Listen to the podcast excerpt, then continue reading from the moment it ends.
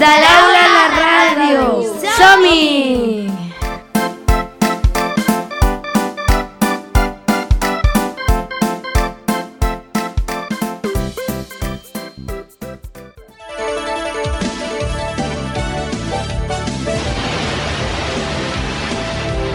Bola de dret, Z. Heu vist mai el Totoro? Coneixeu el Chihiro? Qui de vosaltres ha viatjat a Ajarta? Hola, som el Roger, la Maia, el Sergi, el Gael, la Valentina i el Biel, de la classe dels animes. Us volem explicar com va triar el nom de la nostra classe i el projecte que va fer. Comencem? les nostres mans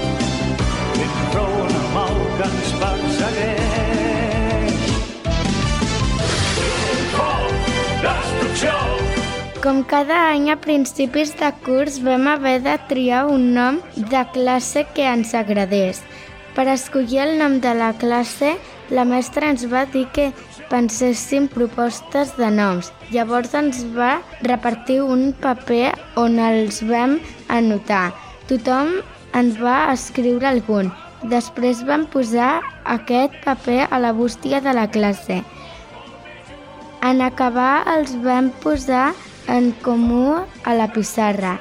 En teníem moltíssims, però només un d'ells seria l'escollit. Tots semblaven molt atractius, però havíem de tenir en compte que havia de ser un tema prou interessant per fer un projecte. A més, el tema que triéssim havia de complir dos criteris. Havia de ser un tema adequat a la nostra edat i a les normes de l'escola. Tothom s'havia de sentir còmode. I havia de ser un tema que tingués molt suc, és a dir, que en poguéssim aprendre moltes coses i que poguéssim desenvolupar un projecte final interessant. Després de pensar-nos-ho molt, vam descartar alguns temes perquè no complien els requisits, però encara quedaven forces temes per triar per posar-nos d'acord vam fer dues rondes de votacions. Primer vam fer una primera ronda. Els temes que havien rebut menys vots van ser descartats. Entre els que més van agradar hi havia NBA i mascotes. Però en fer la votació definitiva, el que més vots va rebre va ser anime i per una gran diferència respecte als altres. I estem molt orgullosos de dir-nos així. Molts de nosaltres el vam triar perquè ens agradaven molt els animes, com Pikachu, Naruto i Goku, i els mirem a casa. També tenim moltes coses d'anime i portem roba dels nostres personatges preferits. D'altres el van triar perquè no coneixien gaire el món dels animes i d'aquesta manera en podrien aprendre més.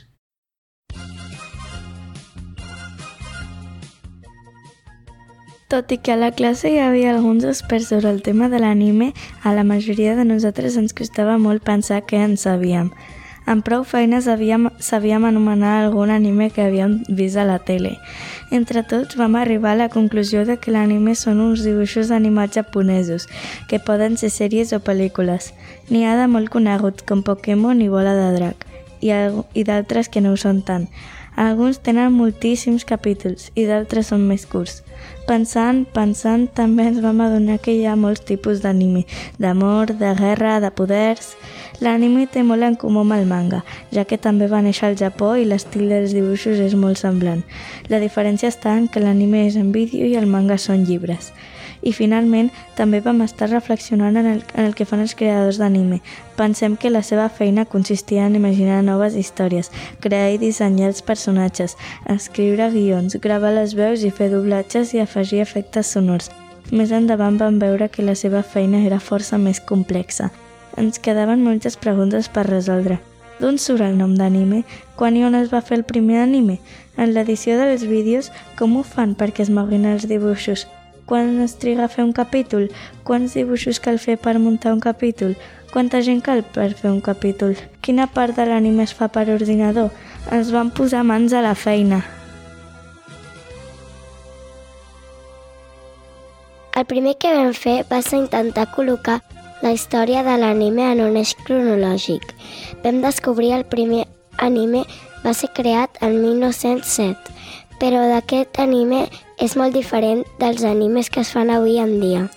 Cada vegada s'han anat fent més animes i són més moderns.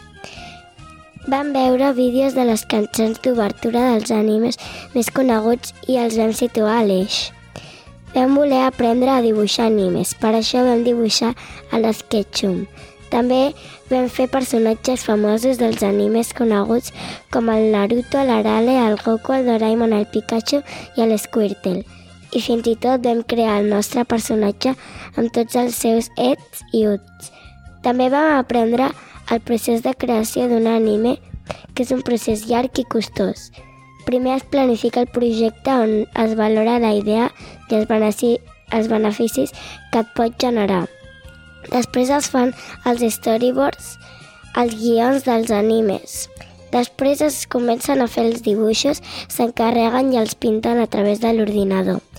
També s'afegeixen els efectes especials, s'afegeixen les veus i els efectes sonor. Finalment es distribueixen perquè el puguem veure a casa. Per finalitzar el projecte vam crear la nostra animació seguint tots els passos que segueixen els estudis d'animació. Sembla molt fàcil quan ho veus per professionals, quan ho vam fer nosaltres ens vam adonar que era molt més complicat del que sembla. Ara valorem molt més la feina que es fan als estudis d'animació. Ens va cridar molt l'atenció saber que fer un episodi val més de 400.000 euros. Saber això ens va animar a calcular quants diners costaria fer una sèrie de 12 episodis. Vam calcular que 400.000 per 12 són 4.800.000 euros. Són uns números tan grans que ens costa imaginar-nos-els. En cadascun d'ells dels animes que hi treballen 300 professionals, entre ells directors, els dibuixants, els editors i els que posen la veu, etc. En la, en la creació de l'eix cronològic ens vam adonar que molts dels animes que mirem avui en dia en realitat són més antics que nosaltres. Però de tot el que hem fet durant el projecte de l'anime, el que més ens ha agradat ha estat fer el vídeo d'animació. Fer el projecte de l'anime ha sigut molt divertit, n'hem après moltíssim i hem agafat un munt d'idees per fer les, notre, les nostres pròpies creacions. Esperem que a vosaltres també us hagi entrat ganes de conèixer aquest món de l'anime japonès. Avui us hem explicat el projecte de l'anime, el Biel, el Gael, el Sergi, la Maia, la Valentina i jo mateix, el Roger. Fins aviat! Som